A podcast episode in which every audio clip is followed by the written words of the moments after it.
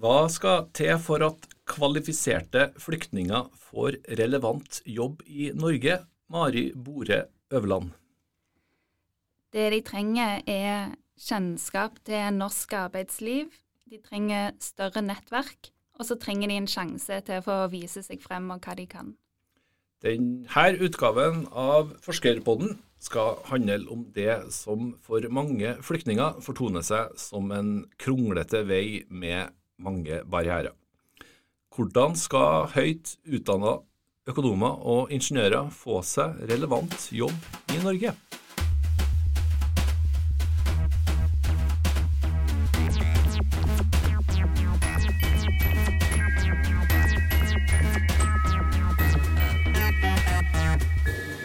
Du hører på Forskerpodden, som er NTNU Samfunnsforsknings egen podkast. Vi tar fortsatt opp podkasten vår i studio på Dragvoll i Trondheim. Mitt navn er Vegard Smevold. I dag har jeg med meg Mari Bore Øverland, som er forskningsassistent ved Avdeling for mangfold og inkludering, og kollega av meg i NTNU Samfunnsforskning. Og så er Emilie Karin Selstad her, som er prosjektleder i Trondheim kommune og jobber med INN, som er en forenkla måte å si kommunens kvalifiseringssenter for innvandrere på. Velkommen begge to. Takk for det. Takk. Aller først, Mari. Hvor mange av flyktningene som eh, kommer hit, har med seg høyere utdanning i bagasjen? Ja, akkurat å si hvor, eh, hvor mange som har høyere utdanning med seg eh, når de kommer her, det er litt vanskelig å si. Eh, du går gjennom veldig mye når du kommer hit som asylsøker og opphold på mottak og sånn. Og den registreringen av hvilken utdannelse du har og hva det vil si i norske termer, det er litt usikkert. Men det vi vet er at av alle flyktninger i Norge, uansett hvor lenge de har bodd her, så har ca. 20 eh, høyere utdanning, høyskole- eller universitetsnivå. Um, den kan være tatt enten i Norge eller i utlandet, som er det vi skal snakke om i dag. Mm. Eh, vet vi hvor mange i Norge som har eh, høyere utdanning? Av eh, Ja, av resten av befolkningen Ja. er 30% 30 mm. Så det er likevel en ganske høy, eh, Ja. høy andel, da. Hva slags eh, utdannelser er det snakk om? Ja, altså Det er det jo heller ikke tall på eh, så veldig sikkert. I hvert fall ikke med en gang de kommer hit. Men eh, vi vet jo hva de som er med i disse satsingene har. Det kan jo kanskje Emilie eh, si litt om. Ja, jeg kan jo tilføre litt av hva vi har erfaringer med hos oss i introduksjonsprogrammet i Trondheim. Vi, jo, vi tar jo imot veldig mange eh, med bakgrunn innenfor ingeniørrelaterte fag, en del innenfor økonomifag. Tatt imot ganske mange farmasøyter, en del eh, med bakgrunn innen IT. Eh, så det er kanskje de mest vanlige fagfeltene som vi har fått eh, bosatt her i Trondheim. Men sånn som Mari sier, det varierer jo litt i forhold til eh, ja, eh, i forhold til hvordan by du blir bosatt i og en del ting. Så, men det er i hvert fall de, de fagfeltene vi lokalt har mest eh, erfaring med, da. Mm. Det et stort eh, mangfold her òg, da, skjønner jeg. Absolutt. Mm. Hvor er det flyktningene kommer ifra, de som kommer hit til Norge i dag, Mari? Det varierer jo fra år til år eh, hvilke land vi får flest flyktninger fra. Men det er f.eks. mange fra Syria, Pakistan og Somalia nå de siste årene. Mm. Vet vi da hvor mange av de her som er sysselsatt i jobb i Norge? Ja, eh, flyktninger i alt eh, i Norge, eh, da er det litt under 50% som er sysselsatt. Eh, og det er etter fem års bosetting. Ja, riktig. Da Mm. når de litt nesten 50 sysselsetting. Mm. så det er ganske lavt. Den øvrige befolkningen i Norge har sysselsetting på rundt 67 um, Så det viser jo at, eh, at dette er noe som må tas tak i. Eh, for når vi vet at 20% av de har høy utdanning, og enda flere har i hvert fall videregående, Eh, da er det klart at dette er ressurser som eh, kan og bør være en del av det norske arbeidsmarkedet. Mm. Og Da skjønner jeg jo at av de her 50 da, så er det mange som ikke jobber med det de egentlig er kvalifisert for. Nei, de er overrepresentert i yrker uten krav til høyere utdanning, og underrepresentert i yrker med krav til høyere utdanning spesielt de flyktningene som kommer til Norge med høyere utdanning, er ofte overkvalifisert til de uh, stillingene de har. Mm, det skjønner jeg. Hva er den uh, første barrieren uh, flyktninger møter på når de ønsker å få seg jobb i Norge? Det er jo helt klart språk. Du er nødt til å lære norsk for å jobbe i de fleste jobber i Norge. Eh, og det er jo òg noe de starter veldig tidlig på i introduksjonsprogrammet. Uh, men uh, de flyktningene vi har jobba med i dette prosjektet, de har god utdanning, og de har lært seg norsk til å kunne fungere fint i, på et norsk, norsk arbeidssted. Og de møter likevel mange barrierer til å få jobbene de er kvalifisert til. Mm. Eh, jeg skjønner at det nå blir et eh, ledende spørsmål, kanskje, men eh, hvor mye vanskeligere er det å få relevant jobb enn en jobb i det hele tatt? Ganske. Kanskje ikke kan forklare det. Vanskelig fra én til ti? Ja, nei. ja, nei. Eh, jo, det er helt klart det. Altså, det er generelt flere krav til mm. å få um, høykompetansejobber i Norge. Og eh, det er mange som har høyere utdanning og som eh, konkurrerer om de jobbene. Og det er kanskje um, litt vanskeligere for arbeidsgivere å satse på flyktninger um, som har en utdanning som er god, men ukjent. Mm. Uh, kommer fra et universitet de ikke kjenner til fra før. Uh, og da ja, blir det fort vanskeligere å, å konkurrere mot mm. norske. Da blir det lett å ansette han som uh har NTNU eller Universitetet i Oslo i CV-en sin. Ja.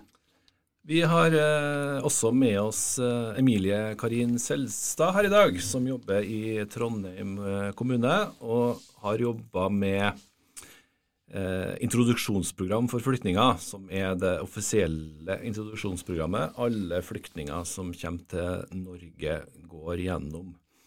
Selstad har dessuten jobba med flere satsinger her i byen og kommunen for å få flyktninger i jobb. Hva slags uh, satsinger er det her, Emilie? Du, vi starta jo i 2018 med et, uh, en satsing uh, opp mot den målgruppa som vi har fokus på i dag, da, de flyktningene som kommer hit med medbrakt høyere utdanning. så i 2018 så starta vi noe som heter Mentorprogram inn eh, som var et prosjekt eh, som vi fikk støtte fra IMDi til å starte opp. Eh, det, IMDi, som er Ja, Integrerings- og mangfoldsdirektoratet. Ja, og, og, det prosjektet her det ble jo starta eh, basert på at vi opplevde at det var et hull i det ordinære introduksjonsprogrammet. Okay. Mm. Og for de som ikke kjenner til introduksjonsprogrammet, det kan jo være et litt sånn uh, fjernt begrep for de som ikke er inne i feltet, da, men det er altså et program som alle flyktninger som kommer til Norge, har rett og plikt til å delta i. Uh, og det er vanligvis et toårig program hvor man har fokus på å lære norsk, samfunnsfag uh, og jobbkvalifiserende tiltak som gjør at man skal kunne komme enten inn i jobb eller utdanning.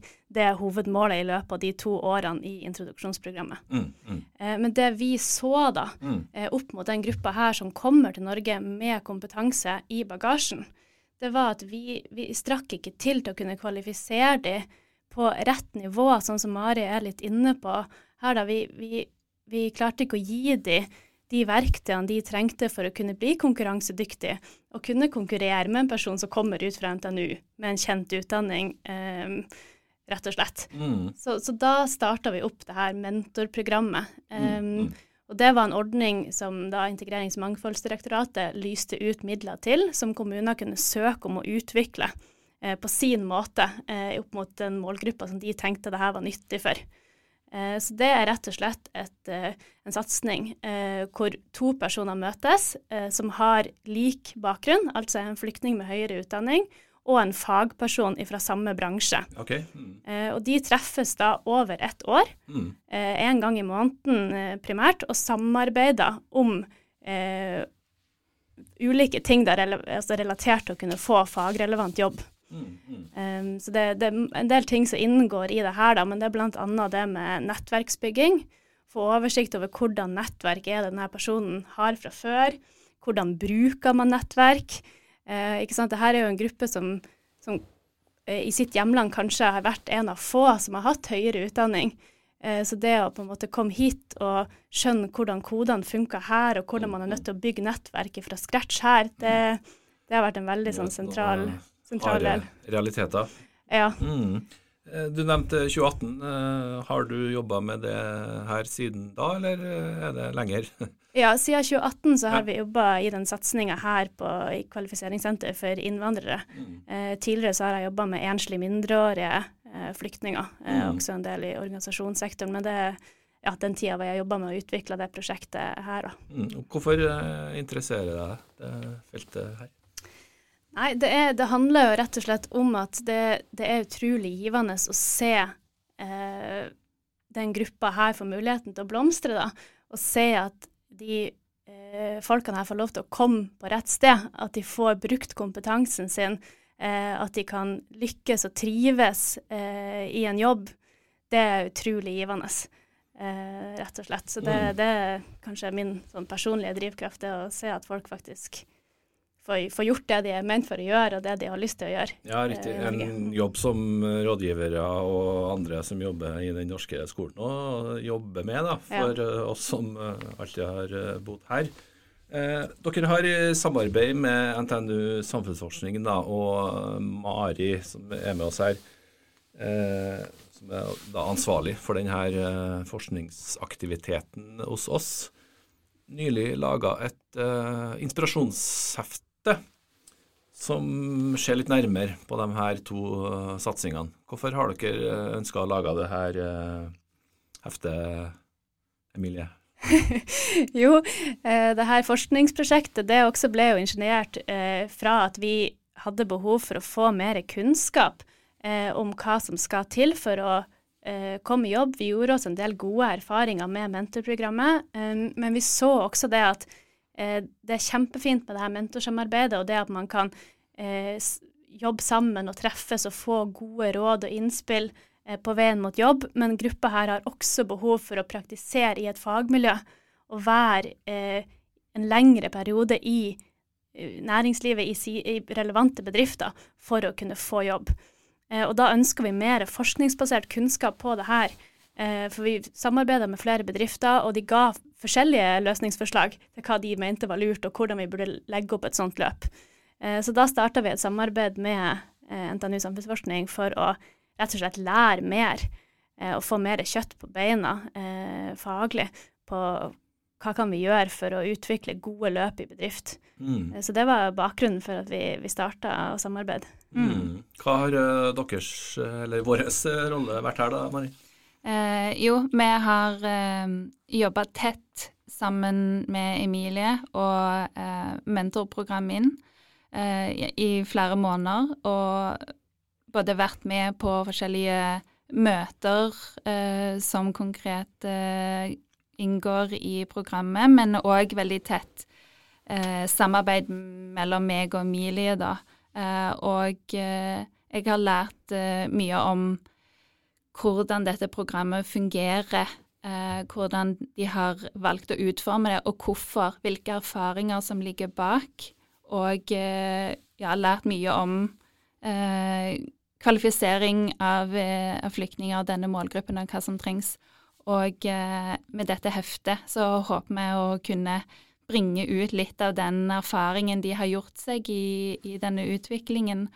Uh, og ja, sånn at andre kommuner kan uh, bli inspirert og, og, kunne starte litt lenger fremme uh, i sin utvikling av sine program enn det Trondheim kommune gjorde. Mm. Dere kaller det jo et uh, inspirasjonshefte, Emilie. Er det rett og slett for å inspirere andre kommuner i resten av landet? Ja, vi tenker at det er veldig viktig å dele den kunnskapen som man, som man bygger seg. Eh, og det er jo veldig mange kommuner som gjør kjempemye bra eh, på det feltet her. Eh, men det er utrolig viktig å kunne eh, dele kunnskap og bli inspirert av hverandre. Eh, og dele viktige verktøy. Eh, og det er jo føler jeg at vi har fått gjort. og bidrar til litt sånn læring både i egen organisasjon, men også eksternt gjennom det heftet her, så det, det, er vi veldig glad for. Mm. Jeg vet ikke helt om det er kommunen sjøl eller eh, oss i NTNU Samfunnsforskning som skal svare på det spørsmålet her, da. men eh, er det riktig å påstå at eh, kommunen er en foregangskommune? Kanskje må bli Mari det, da? ja, altså det, jeg vil si at det Trondheim kommune har fått til her, det er at de har gjort en veldig god jobb med å bruke metoder som mentoring og internship eller praksis, eh, som er eksisterende metoder og som har blitt brukt i integreringsarbeidet før, men de har satt det sammen og gjort en bra jobb med og samarbeid med andre aktører rundt som Nav f.eks., og òg fått gode samarbeid med bedrifter i Trondheim. Um, så det vil jeg si at de har gjort et veldig bra arbeid. og og med å ha et sånn forskningsprosjekt på det, har vi fått ut mye av den erfaringen og den kunnskapen som de har skapt, eh, som òg kan gis videre til andre kommuner. Så det vil jeg si at eh, det har vært veldig bra. Mm. Det, det, dreier seg altså om to uh, ulike initiativ, eller uh, satsinger. De heter Mentorprogram inn og fagrelevante internships. Hva er forskjellen på de to, Emilie? Ja, eh, de henger jo ganske tett sammen. Og det her er jo eh, tilbud som tilbys til den samme gruppa eh, deltakere i introduksjonsprogrammet. Men sånn som jeg var litt inne på, mentorprogrammet handler jo om det her samarbeidet, det her relasjonelle mellom en trainee og en mentor. Okay. Og at de treffes jevnlig og jobber med nettverksbygging, får oversikt over CV og søknad, trener på intervju eh, hvordan kvalifikasjoner har de, hva trenger de, hele den biten der. Så det er basert på møter med ulike tema som går over ett år. Eh, fagrelevante internships det handler om at du er i en bedrift eh, på full tid eh, over en viss periode, hvor du eh, bygger den praktiske kompetansen som du kanskje mangler, samtidig som at du får vist deg i en bedrift. Så det er både det med å på en måte bygge praktiske nettverk i eh, en virksomhet, men også det å ja, lære seg ting og eh, bli en del av eh, et miljø mer praktisk. Altså det er kanskje den, den mer, mer, praktiske delen av det her, da. Mens uh, mentorprogrammet er mer det relasjonelle, mm. Uh, mm, for å si det kort. Det her er da to uh, prosjekt som også er klare til å bli brukt av andre kommuner, da, Mari? Ja, jeg håper at det, eh, altså hver kommune er nødt til å finne ut av sjøl hva som passer for de, og hvordan de kan bygge det opp. Det kommer an på hvilken, hvilken eh, type bosetting de har, holdt jeg på å si. Hvilke mm. flyktninger som kommer til den kommunen, og hvilke behov de har. Ja. Men jeg håper at de kan se at dette er metoder som uh, fungerer bra uh, for denne målgruppen, og som går an å å bruke andre steder hvis du har den samme målgruppen. Du trenger eh, flyktningtjeneste av noe slag og engasjerte eh, bedrifter som har lyst til å være med, og målgruppen også. Hvordan eh, si, reagerer bedriftene på det her? da? Er det noe de har lyst til å engasjere seg i, eller er det noe som er litt fremmed? Altså, Vi opplever eh, veldig veldig positiv respons eh, fra bedriftene.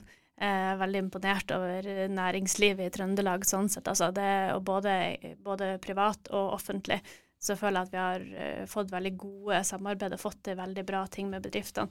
Så uh, min erfaring er at bedrifter har lyst til å satse på mangfold. Bedrifter har lyst til å uh, ta inn folk, men det må være de rette rammene for å kunne gjøre det. og der er vi, en, i, er vi i en veldig god posisjon gjennom de tilbudene her, med at vi har noen Eh, vi har gjort oss noen erfaringer. Eh, vi jobber veldig tett med bedriftene, vi følger opp veldig tett. Og vi samarbeider tett med Nav, som gjør at vi kan gå inn og gi støttetiltak der det er behov for det, sånn som f.eks. lønnstilskudd, støtte til kurs, de tingene der er veldig vesentlige for, det, for å på en måte redusere eh, risikoen da for bedrifter som velger å satse på noen andre enn en Ola Nordmann som kommer ut fra NTNU. ikke sant? Ja, riktig. Det er moderne å være både grønn og mangfoldig. Absolutt. Eh, jeg vil gjerne prøve å dykke litt lenger ned i de her eh, enkeltskjebnene, hvis det er mm. mulig. Eh, jeg husker veldig godt en serie som gikk på NRK for ja, det er sikkert snart ti år siden, som het mm. 'Kampen for tilværelsen'. Den er pga. noe rettighetstull ikke mulig å se i nettspilleren til NRK lenger. Men uh, den var i hvert fall veldig god da den ble sendt. Og der var det bl.a. en scene, hvis jeg ikke husker helt feil nå, uh, med en uh, renholdsarbeider som vaska på et universitet. Og så ble han irettesatt av en ansatt på det her universitetet. Og så får vi da som seer etter hvert vite at denne renholdsarbeideren da hadde jo langt høyere utdanning enn den personen som uh, herska over den på jobb. da. Finnes det lignende, helt ekte historier fra Trondheim som ikke er skrevet av Erlend Lo? Ja, det her er jo en et, et, eksempel som er veldig relaterbart, og som vi kjenner oss godt igjen i. det er jo det som er den, den klassiske situasjonen for veldig mange flyktninger som kommer eh, til Norge i dag, det er jo at de er nødt til å ta eh, jobber sånn som Mari var inne på, som de er overkvalifisert for. Eh, og så medfører det da at de faller ut av arbeidslivet igjen etter noen år, mm. Eh, eller litt sånn ut og inn. Eh, og det, det, er jo det vi ønsker å forebygge med de ordningene her. Vi ønsker å satse tidlig og på en måte investere tidlig i den gruppa her, sånn at man eh, unngår å havne i den situasjonen. Så mm, mm. Det, det, har vi eksempler på eh, mm. konkret i, i mentorprogrammet òg, da. At vi har, har, deltakere eller trainees som, som, hadde fått en jobb på lager, ikke sant, mm. eller, eh, eller, i matbutikk. Eh, men, men, det er ikke en stabil tilknytning til arbeidslivet. Eh, det er det ene. Og i, i tillegg så, så, tar det jo på en måte arbeidsplasser ifra eller det er andre grupper som kunne hatt bedre nytte av de her arbeidsplassene ja, eh, enn den gruppa her. Det er ikke noe galt med å verken eh, jobbe med renhold eller på lager, men eh, det er vel eksempel på at de ønsker noe mer, da. Mm. Ja. Eh, hva forteller de om eh, det første møtet de har med arbeidslivet i Trondheim, eller i Norge? Ja, eh, de, opp, de, opplever jo at det er, det er krevende å komme, eh, å komme, seg inn. da, At det er en, en dørstokkmil. Og veldig mange er jo opptatt av det at de tenker at når språket kommer på plass, så kommer jobben til å komme på plass òg. Mm. Eh, og klart at språket er utrolig viktig. Eh, og språket er jo det første steget. Men, men, det er en del andre barrierer òg, og det tror jeg mange får et litt sånn hardt møte med når man skal inn i norsk arbeidsliv. Eh, I høykompetansefagfelt så er det veldig mye fokus på det med at man må ta initiativ. Man er nødt til å konstruere sine egne arbeidsoppgaver, eh, legge opp sin egen arbeidsdag. Eh, mens en del kommer jo fra litt mer totalitære regimer hvor du er vant med å få beskjed om akkurat hva du skal gjøre og hvor fort du skal gjøre det. Og, mm. Så det kan være en litt sånn annen måte å, å jobbe på her, da. Mm. Eh, og det, det, er ikke noe problem for den gruppa her, for det, det, det er folk som er flinke å tilpasse og, og lære. Men man må bli fortalt det, mm. og man mm. må bli lært det. Ja. At det, det, er en annen måte å gjøre det på. Eh, mm. mm. Og vi er òg avhengig av et arbeidsliv som er eh, fleksible nok til å, mm. å, se at det er en, en, jobb som kan gjøres i bedriften, eh, mens du er ansatt. At de kan ha en, en sånn type opplæring med å bli litt mer vant til Eh, til ja, å, ta, å, jobbe på en annen måte enn de er vant til. Da. Mm, det mm. må læres mm. i bedrift. Du mm. kan ikke lære det på introduksjonsprogrammet. Mm. Det er ikke sånn første arbeidsdag at uh, her gjør vi det sånn, og da skal vi gjøre det sånn. Hvis du ikke klarer å tilpasse deg, så finne noen andre. Det er en dårlig start.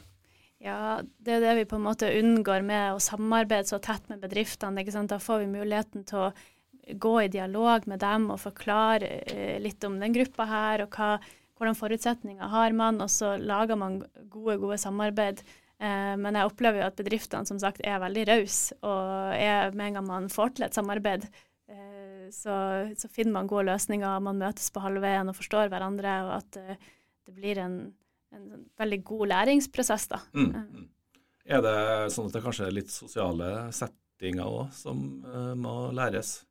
Du må lære deg hva fredagskaffe og ja. julebord ja. På, på, Teams. på Teams. var det Det vil jeg tro. Eh, jeg snakket med en uh, trainee som var med i programmet, som sa at hun uh, hadde brukt mye tid i internshipet på å lære hva nordmenn var, eller de andre kollegene da, var interessert i å snakke om i lunsjen. Mm. Hvilke tema var populære, hva var folk interessert i. Sånn at når hun senere fikk jobb, så følte jeg at du kunne delta i samtalene som en vanlig ansatt, som hun sa. Mm. Uh, og det peker både på uh, hvilke på en måte vanlige i hermetegn ting som kan være uh, utfordringer, men òg hvor viktig det er fordi at det til og med de små tingene er på plass før du føler deg som en vanlig ansatt. At du føler at mm. nå er jeg ingeniør, nå er jeg ikke flyktning mm. lenger. Mm. Dere har fortalt meg på forhånd her at det kan kanskje være litt mismatch også mellom eh, forventninger og de harde realitetene. Hvordan uh, mm. arter denne mismatchen seg? Ja, det er jo litt sånn som jeg var inne på, at en del kommer fra, fra, land hvor det ikke er like vanlig som i Norge å ha høyere utdanning. Så du, det er nok klart det kan være vanskelig å få jobb der òg, men Eh, det, er helt, det, er et helt annet eh, spill da, for å få mm. jobb mm. her i Norge. Du, du, må selge deg inn på intervju. Mm. Eh, du får kanskje ett spørsmål, et veldig åpent spørsmål når du er på intervju, men så, så betyr det kanskje flere ting. Og det, det er en ganske sånn kompleks eh, ting å lære, da, og som tar tid, og som gjør at vi må jobbe, jobbe tett med folk. Så, så, det Ja. Det er nok eh, mm. litt annerledes enn det å kunne komme eh, med å slenge på en måte utdanningspapirene sine på bordet, og, og, det på en måte kanskje er nok da i mange land, fordi at man er en av de få som har klart å skaffe seg høyere utdanning. Ja, her, her, er vi i Trondheim, det er et stort universitet, det er masse masse folk med høyere utdanning, så konkurransen er tøff. Du konkurrerer med 100 andre i en ingeniørjobb. I eh, internettåret 2020 så blir det nå eh, seminar eh, den 14. desember, hvor det her eh, inspirasjonsheftet skal være et slags eh, bakteppe. Hva er det som skal skje 14. desember? Mari? 14. desember, da skal vi ha et uh, webinar der vi lanserer dette heftet. Da kommer vi til å snakke litt om de uh, de problemstillingene som ligger bak uh, heftet, og de programmene eller satsingene som vi forteller om. Uh, som en liten introduksjon til heftet, og sånn at folk kan uh, se om det er noe som er interessant for de å, å, lese og ta i bruk. Ja. Mm, jeg hører snakk om at det er bra påmelding. Hvem er det som er påmeldt? Du, Det virker som det er ganske bredt. Eh, vi har jo forsøkt å dele det her eh, webinaret i ulike forum eh, som kan ha interesse av å, komme. Men vi ser at det både er bedrifter, høykompetansebedrifter, som er nysgjerrige og har lyst til å lære mer om det her, mm. som ønsker å komme. Mm. Andre kommuner, både i Trøndelag og i andre ja, ellers rundt omkring i landet. Eh, en del innovasjonsmiljøer som syns det er spennende med, med nyvinninger og, og, sånne typer satsinger. Eh, og en del innenfor karrierelæringsfeltet. Eh, for det er jo mye karrierelæring inni det her. Så vi tror at vi skal, det skal kunne være noe for, for alle disse gruppene, egentlig, å, å lære. Hva håper dere å få ut av webinaret, seminaret? Eh, ja, i tillegg til å skape blest om, om heftet og om disse metodene for kvalifisering og den jobben som er gjort i Trondheim kommune, så håper jeg òg at eh, vi kan sette litt mer fokus på eh, flyktninger generelt og denne spesifikke målgruppen. Eh, at dette er en utfordring de møter, og, men òg at dette arbeidet er viktig og nyttig at de, det er viktig å satse på den gruppen, gi dem den kvalifiseringen de trenger for å komme opp på det nivået de skal ha. De skal få lov til å gjøre det de har lyst, det de er utdannet til. Det er viktig for de sjøl, deres egen selvfølelse, men det er òg viktig for samfunnet at vi får utnytta de ressursene som finnes. Mm. Eh, jeg vet ikke om det er mye til eller hva det er, men er ikke sånn at, uh, at Apple-gründer uh, Steve Jobs er andre generasjons det mener jeg har hørt, ja. Syria. og vi ser jo hvor stor påvirkning han har fått på verdenssamfunnet. Ja, og det er jo litt Det er jo mye fokus eh, på flyktninger og i forhold til alle de utfordringene eh, som, som, ligger der. Eh, og det er klart det, det, er viktig å belyse det òg, men det er utrolig viktig å få frem at vi faktisk får ganske mange flyktninger til Norge som kommer med en kompetanse eh, som vi i Norge eh, burde eh, bruke, mm. både for deres egen del og for Norge sin del. Eh, og Det tenker jeg er viktig å, å få, litt, få, litt, fram. da. For det er mye snakk om de som kommer til Norge som analfabeter og, og har en veldig veldig lang vei eh, inn i jobb. Men den gruppa her har kanskje ikke en like eh, lang vei nødvendigvis, men det er like viktig å, at de får eh, den kompetansen som de trenger, og at vi klarer å få de opp på det nivået. Eh, sånn at de kan være konkurransedyktige på lik linje med alle andre. Eh, det tenker jeg òg er en viktig ting å på en måte slå et lite slag for da, eh, gjennom det her webinaret. Eh, mm. Det er en ressurs som uh, ligger der, egentlig klar til å benyttes. Absolutt. Mm.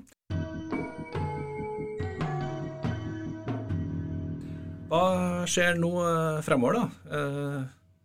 Hvis vi ser fem år frem i tid, gjør det her både det her heftet og kommunens initiativ til at det er flere enn hva det var 50% som eh, har jobb i Norge om eh, fem år, og enda flere som har eh, relevant jobb.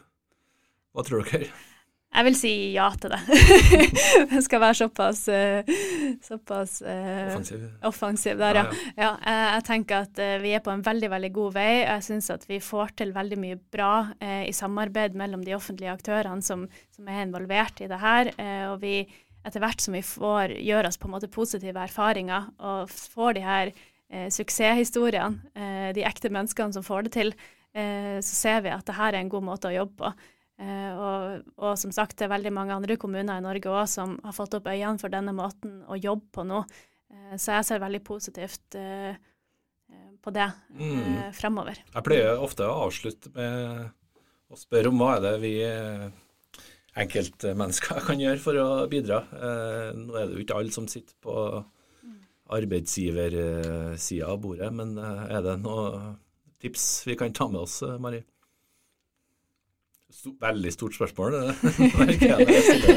ja, nei um, Ja, hvis vi skal se bort fra arbeidsgivere som har en veldig tydelig oppgave med å velge å satse på målgruppen Ja, jeg tenker at det, for, for, alle og enhver så er det, så er det viktig å man, man, er jo alle kollegaer, de fleste. Det å mm, kunne mm. være en god kollega også. Mm, eh, å være raus og være nysgjerrig og eh, gjøre denne prosessen inn i jobb eh, så god som mulig for de, de nye man vil få som, med flerkulturell bakgrunn som sin nye kollega. Det tenker jeg kan jo være For vi får jo et mer og mer mangfoldig samfunn. Ja. Så det å gi muligheter, og vet man, ja, vet man om noen ting, eller er man en bedrift, så tør å, tør å mm. satse, ja. Mm. ja. Og så tenk på at man har fått en uh, ingeniør fra Somalia som kollega. Eller en ingeniør, ikke en flyktning fra Somalia. Mm. Ja, nettopp. Mm. Takk for uh, praten, Mari Bore Øverland og Emilie Karin Selstad. Takk, takk. Eller hadde dere noe mer å tilføye helt til slutt? Nei. Nei. Ferdig snakka begge to? Ferdig snakka. ja, det er bra. Programleder er som vanlig undertegnede Vegard Smevold. NTNU Samfunnsforsknings egen podkast heter Forskerpodden. Du kan også følge oss på Facebook og Instagram. Da er det bare å søke opp Forskerpodden, og så hører du oss på alle mulige plattformer for podkast. Vi høres neste gang.